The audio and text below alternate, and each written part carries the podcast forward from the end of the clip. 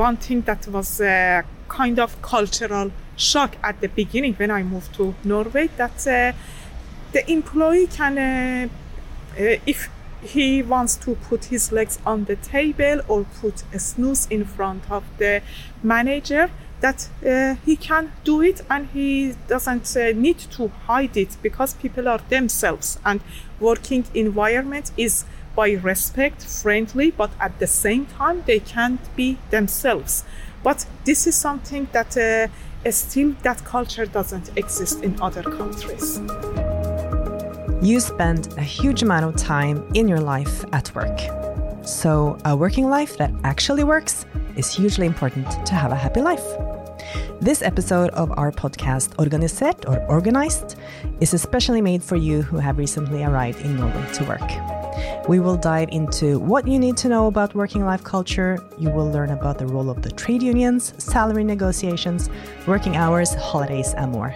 So you can know the facts and enjoy your stay.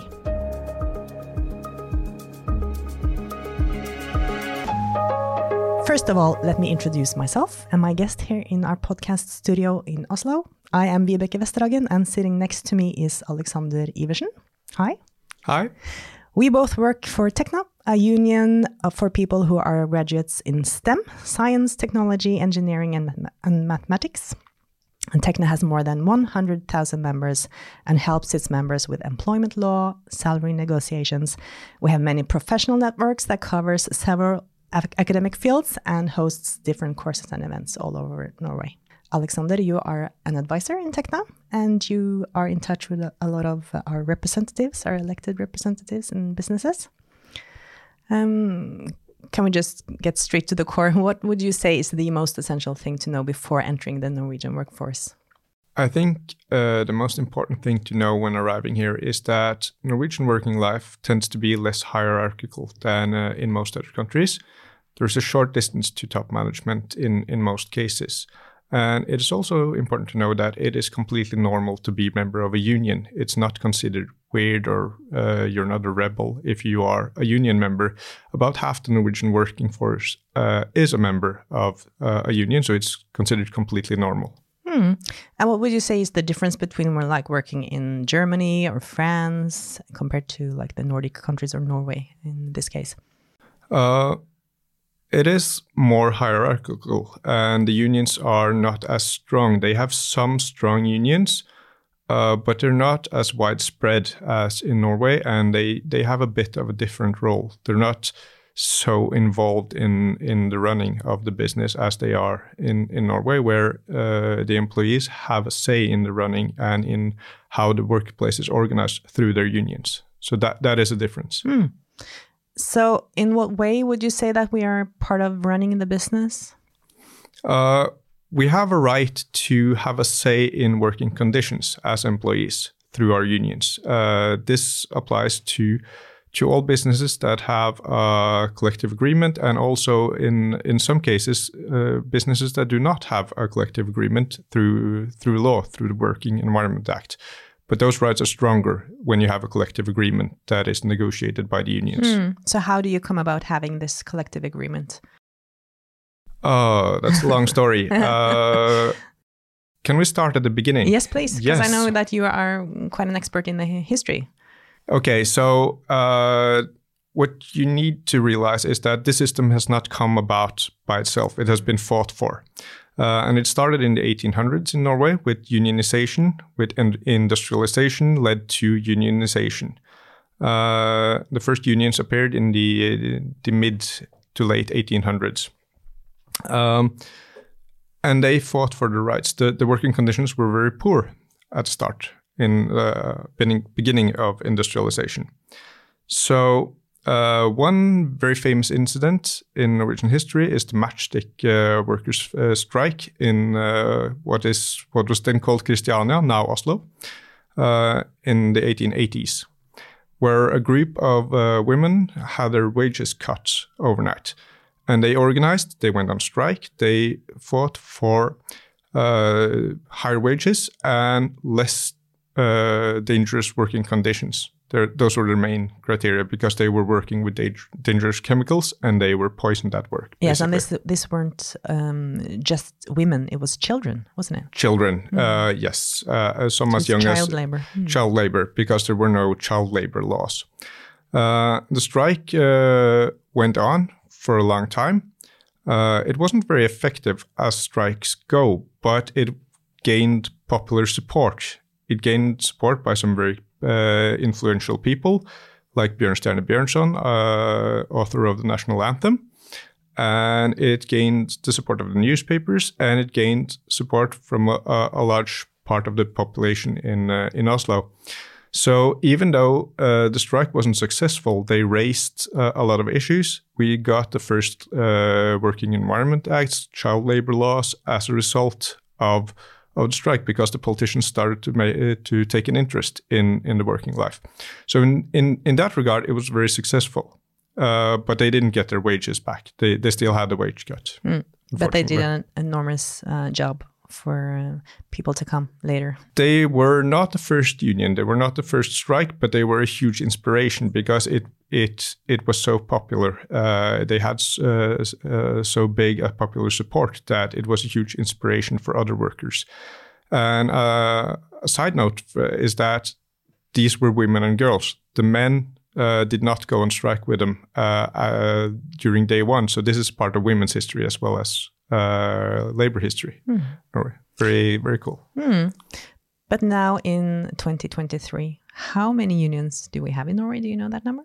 I don't know no. the number. there are a lot. Uh, mm. Most professions have their own union, mm. uh, and Tekna is is a bit broader than just one profession uh, because we take all people with masters in STEM. So we are a big union, but there are confederations that uh, collect all the unions into four main conf- confederations: LO, YS, Unio, and Akademikerne, which Tekna is part of. So there are four four uh, confederations of unions, and then there are a lot of unions uh, under these umbrella organizations. Before we continue, we shall listen to this little story from reporter Sondre Tallaksrud about someone who let their career lead them to Norway. Let's hear about what the experience has been like so far. My name is Ensieh Khasheh, and uh, I moved to Norway 2011 as a, a student. I am from Iran. And uh, where do you work and what do you do at the work? I am working in ABB Marine at the moment as automation engineer. Uh, uh, my job is to support the uh, vessels or ships are sailing all around the world. Uh, is there something that surprised you by working in Norway? Uh, like our culture, is there something that we do that you thought was like special in a positively way or a negatively way? Uh, I was uh, surprised positively regarding that uh, he, in in Norwegian um, working environment that there it is not hierarchy. Uh, that the relationship in many occasions it is flat. It is uh, very easy to talk with a line manager and the management easy to have a, a very simple conversation but uh, in my country that or as I know in many countries that the, uh, there is a hierarchy system. Yeah, you never see the boss really. You don't see the boss, or it is the, it, the relationship should be very much formal. But in Norway, it is uh, everything is by respect but also very friendly. You can easily go for a coffee with your manager. She was also surprised by our relaxed demeanor regarding our leaders. For example that we may leave the workplace before the boss one thing that was a kind of cultural shock at the beginning when i moved to norway that uh, the employee can uh, uh, if he wants to put his legs on the table or put a snooze in front of the manager that uh, he can do it and he doesn't uh, need to hide it because people are themselves and working environment is by respect friendly but at the same time they can't be themselves but this is something that uh, still that culture doesn't exist in other countries In many other countries, it's not that common to be a part of a union, but Ensieh found it useful, even in the first years living here.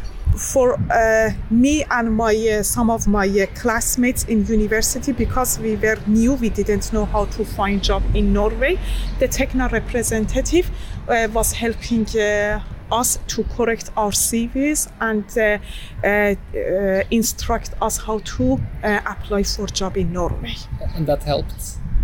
of course it really helped especially for us as a, uh beginner in norway uh, they were supporting us free and also with a lot of good information Yeah. And uh, do you have any um, similar uh, unions in Iran? Is there something uh, you can compare it to? as i know no a, a structure and organized uh, unions uh, like Tekna uh, or other unions in norway uh, it doesn't exist in iran Uh, what, what about vacation? Because we have usually five weeks. Is there uh, is that the difference or is it the same? Uh, in Iran, we have a four weeks vacation, but uh, the good things regarding Norway that uh, you can use your uh, uh, one month or for five weeks uh, all together. But in Iran, that it is almost impossible to get all together. You should uh, use it one day, two days. If there is an opportunity to uh, work. Uh, uh, overtime you can gather your hours and later you can use it uh, as a some days vacations. Uh, we don't have that uh, such a, uh, structure system in iran. Is there something uh, Norway can learn from Iran, work-wise? You know that uh, in iran the working environment is uh, more friendly that the colleagues have more uh, close contact and friendly relationship together than norway That we have like a, a barrier between work and yes and the private life. absolutely yes there is a barrier but in iran they try to get together for any uh, simple things happens at work Yeah. or even uh, if the employee has a kid or even the employee buy an apartment so they just buy a cake and invite the other colleagues to celebrate. Uh, do you have any any tips for people who want to create a network in in Norway when they um, when they work here with uh, network uh, work-wise and uh, new friends? generally it is not uh, much easy to uh, find a network and friends in uh, Norway, but uh, it is not impossible. So uh, by learning the language, it causes that to have more integrity to the society, learned about the culture by joining to the hiking trips, and also there are uh, some. Uh, other events by joining to some events that it helps to uh, find uh, friends and networks Alexander Iversen, most people are interested in their wages. Um, how are unions involved in salary negotiations in Norway? Uh, it varies, uh, but there are some. If you have a collective agreement, then you also have collective uh, bargaining at the workplace. So in the private sector, your local representative will uh, negotiate the size of the settlement, and then the company management will uh, allocate that settlement to each and every em- employee uh, in your union because they negotiate beha- on behalf of the union members. Uh, in the public uh, civil service sector, it's a bit different. Then there is a central negotiated settlement size, and then those uh, funds that are allocated through the central negotiations are negotiated locally afterwards. So they know the settlement size, and then they uh, negotiate the distribution afterwards. And in uh, the um, municipality sector, uh, kommunene, it's a bit of both. But if you work in the private sector, like most of our members, they would need to do like a salary review with their boss to sort of um, get their share of the Yes, I, I, I would say that applies to everyone, not just the private sector member. If you if you have uh, ambitions, if you want to make more money, you should probably talk to your boss about it. Have a salary discussion, salary review, uh, and preferably every year. once a year. Why would you say you should join a union in Norway? What are the benefits, the everyday benefits? The everyday benefit is that you have access to a local representative at your workplace. This is the most important benefit, I would say. There will be someone at your workplace who will uh, listen to your problems in the working life and take it up with management. They will negotiate salary on your behalf. They will uh, raise uh, working environment issues with management. They will discuss budget issues with management. So, someone at your workplace will represent you and uh, they will uh, make sure that management is aware of what the employees think about the workplace. Then there is also, of course, legal aid.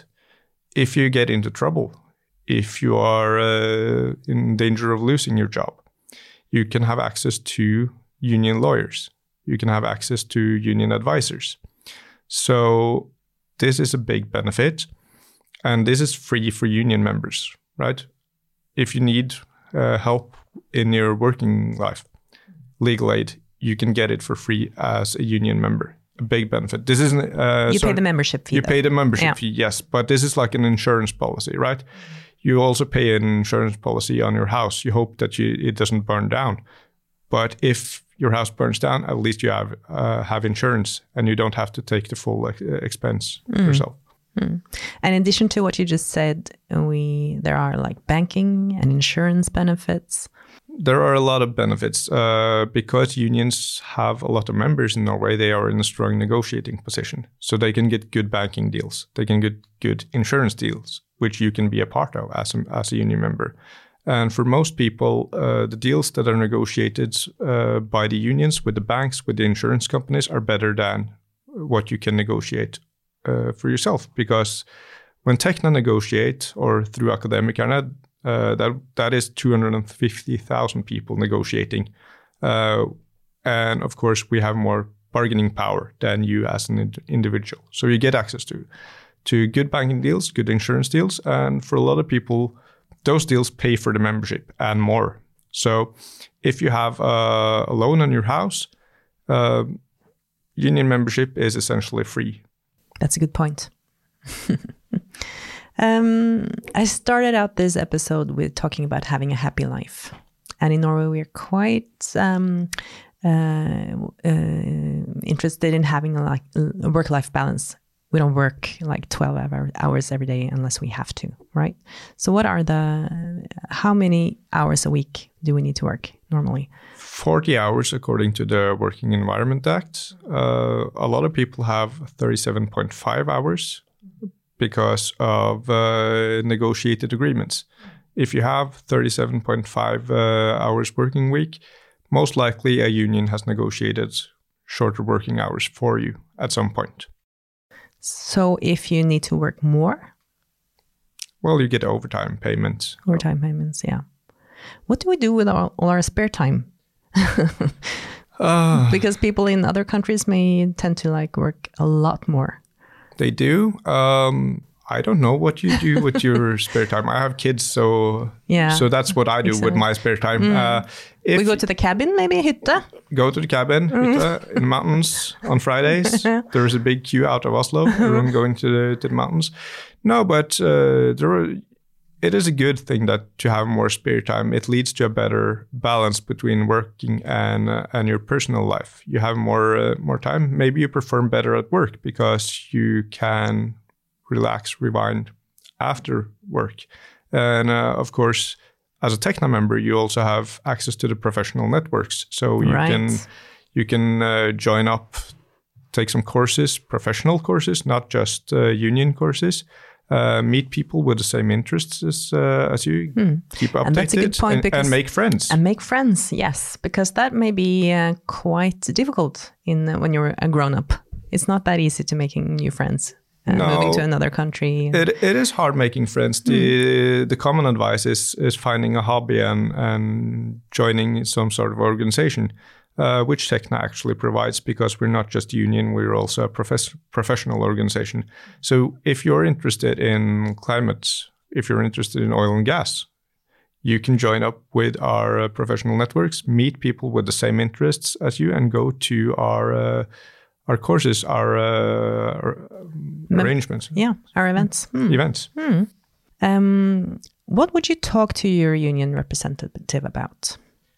You can talk to your union representative about everything that uh, regards your workplace, your working life. So, be it salary, be it uh, conflict with your colleagues, if you have some issues with your working environment, if there are some issues you want to raise with management, everything that involves your workplace, you can talk to your union representative about.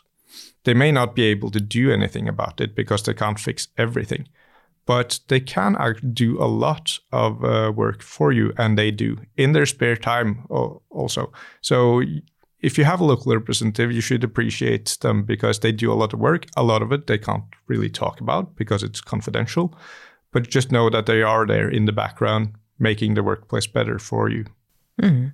And uh, just to make that clear, the representatives, they are just normal employees, right? And the rest of the employees have elected them. Yes, Yeah. they, they are So just your democratic just your colleagues. There are democratic elections, and you vote for a local representative. We talked about working hours. It was 40 or tw- uh, 37 and a half hours for most people. But what about holidays? Uh, How the, long is it? Yeah, the National Holiday Act uh, gives you four weeks, one day of For holiday. example, One day? What is that For- one day? the one day was uh, introduced in the 90s uh, as an extra holiday. Um, so four weeks, one day. Hmm. Uh, but it is quite normal to have five weeks. The four last days are union negotiated. So uh, these come with the collective agreement, and then a lot of businesses have introduced them uh, because it's the norm. So if you want to attract labor. If you want to be an attractive employer, you have to give them five weeks vacation. So that's pretty normal for for Tekna members and also in, in a lot of other places in Norway. Hmm. Can you take your holiday whenever you want? No. No. Uh, you have a right to three weeks continual holiday uh, during what is called the main holiday period, which is summer essentially. So you have a right to three weeks during summer, but uh, holiday is up to the employer to decide when. So if they say that we are going to close the factory for three weeks in July, then that is when your holiday is. Uh, but you can discuss it. You have a right to be heard when asking for a holiday, and and a lot of people can actually take the holiday whenever they want because it's possible at their uh, workplace. Uh, but it is the, that it is up to the employer, except that you need to have some holiday during summer. What about sickness? What happens if you become sick?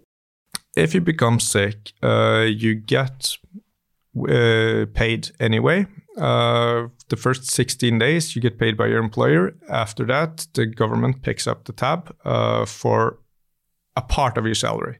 It is a there's a ceiling in uh, in the national insurance scheme at 6G. It's about 670,000.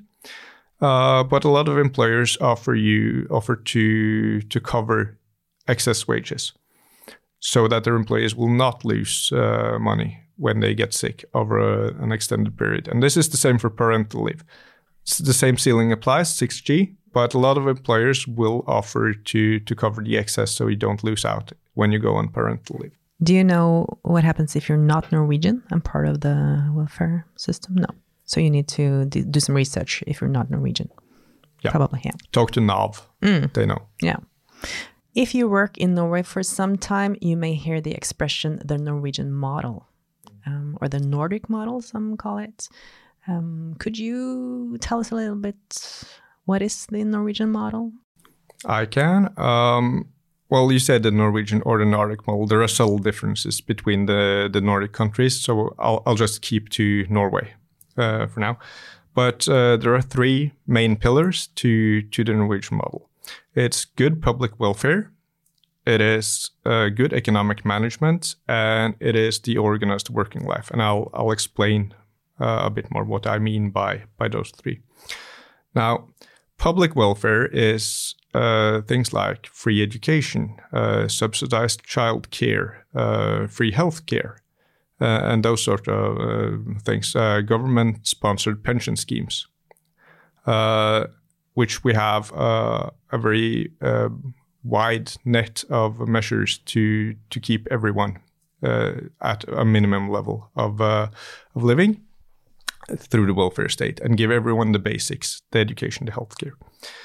Uh, then there's the economic management, which involves statistical models that are agreed upon by all parties before we start negotiating, and also the front runner model, which is the way we negotiate uh, salary, the the the central settlements in Norway, which I, I will explain uh, what front the front runner model involves. Now, this is uh, not a thing that someone invented, the front runner model. It's something that grew organically through negotiations between unions and employer organizations. Uh, but the very basic uh, way of explaining it is that you can divide the economic sector into uh, the, uh, the sector that is exposed to competition from abroad. So manufacturing industry is, is a good example of that. They compete with uh, businesses abroad and they sell their, their products in the global market. And then there's the sector that is not exposed to competition from abroad. So if you provide a service that you uh, are at the place where people live, then you are not exposed to competition from abroad. Uh, a very banal example a hairdresser right? You can't go to China to cut your hair. That would be too expensive. So they are not exp- uh, exposed to competition from abroad, and they could then, in theory, uh, raise their salaries for the employees and then raise their uh, prices to cover that uh, the higher salaries. Now, the, the businesses that sell their products on the global market, they can't do that because they have to keep their prices competitive. So they cannot uh, raise their salaries indefinitely and then raise their prices. They would go uh, bankrupt because they couldn't compete. Now, the way we have uh, we do it in Norway is that those who are exposed to competition from abroad they negotiate first, and they find find out how much can we raise wages this year and still remain competitive. And that figure that they come up with, it sets a norm for everyone else. It's not a ceiling. It's not absolute. And there are local variations in, in businesses in that sector as well. But it is a norm that everyone else looks to when they are negotiating their settlement. So when the civil service negotiate, they look to what the frontrunners decided and they come up with a result that looks somewhat like the frontrunner model. So that wages are, uh, the wage curves are sort of similar uh, the distance between the wage curves are sort of similar. Uh, and this is good because if the, the sector uh, not exposed to competition from abroad raise their wages more than the, the sector that is exposed to competition, they would uh, draw old labor over to that sector, and no one would want to work in the manufacturing industry in the sort of businesses that we would like. We would like some industry in Norway. That would not be possible if all labor were dragged to the, the sector not exposed to competition from abroad. So, uh, in this way, we can ensure that labor is distributed between the two sectors and the sector not exposed to competition from abroad don't take all the employees. And what are the effects for like a normal working life um, person, and an, um, employee? The effects of the front model? Yeah. How do you find the effects on your workplace? Uh, well, you can see the effect on your uh, on your salary. Uh, every year, uh, there are salary adjustments, negotiations, and they are influenced heavily by the front runner uh, result for most people. Uh, for some businesses that do very well, they may go way above what the front runner model suggests but for most of us, this result is uh, very influential on our salary increase. And of course, I'm talking about salary increase in um, on on a big scale. So for individual, uh, it's less. You can't expect to get exactly what the front runner model suggests that you should have. There are individual variations, but uh, on a big scale, it is very influential, and it has led to uh, a high degree of income equality in Norway because of this uh, the mechanisms in in the front runner model, which is uh, a byproduct of the model, but it is considered uh, a net benefit for Norway that we have low income equality. Yeah, so it makes um, more of a stable society, you could say, probably. Probably yes. It, it, it leads to a big middle class where uh, not many people fall behind. This is of of course also supported by the welfare system, where you have access to free education and free healthcare, so that uh, the people who are left behind uh, salary wise, they still can go to school. They can still uh, get healthcare. So, uh, so this is uh, this is also a result of the Norwegian model. These these things support each other. Is there anything else you should you, you think we should cover before we close up? I think that uh, it is important to know that we have an extensive welfare system in Norway that is not given to us uh, for free. It is not because the government is very nice or, or anything like that. Someone has fought for all the welfare rights uh, that you have your pensions, your extra holiday, your uh, sickness payments, and those sort of things. Unions have negotiated those first, and then the government has decided to pay for it after the fact. So just remember that someone has fought for it, and the, the reason the government is uh, is paying for it is not because they they are nice people. It is because they are investing in the population. So, for instance, uh, subsidized childcare, daycare centers. That's a good investment for the government because it leads to a much larger female labor participation, and having more people at work leads to better productivity, and it's a net benefit same with free education. And more taxes. More taxes. But the taxes aren't that high, actually. That's a myth, the, that Norwegian taxes are super high. Uh, same with free education. Uh, if you give everyone access to education, then you utilize the entire talent pool. In, P- in countries where, where education isn't free, uh, the poorer classes can't afford to send their kids to school they don't get an education and you lose out. You you don't utilize the talent that is in the, the poorer segment of the population. So this is also an investment for Norway. We tend to we try to make sure that we use the entire talent pool, and we have to because we're not that big of a country, so we can't just leave talent by the wayside. Hmm. Okay, let's wrap it up. Thank you so much for joining me here in the studio, Alexander Iversen. If you want to learn more about unions and Tekna, and maybe even would consider becoming a member, please visit Tekna NO. You may learn more about vacation rights, how to do a salary review. You can have a look at our salary statistics and more. I hope this episode was useful to you. Thanks for listening and have a great day at work.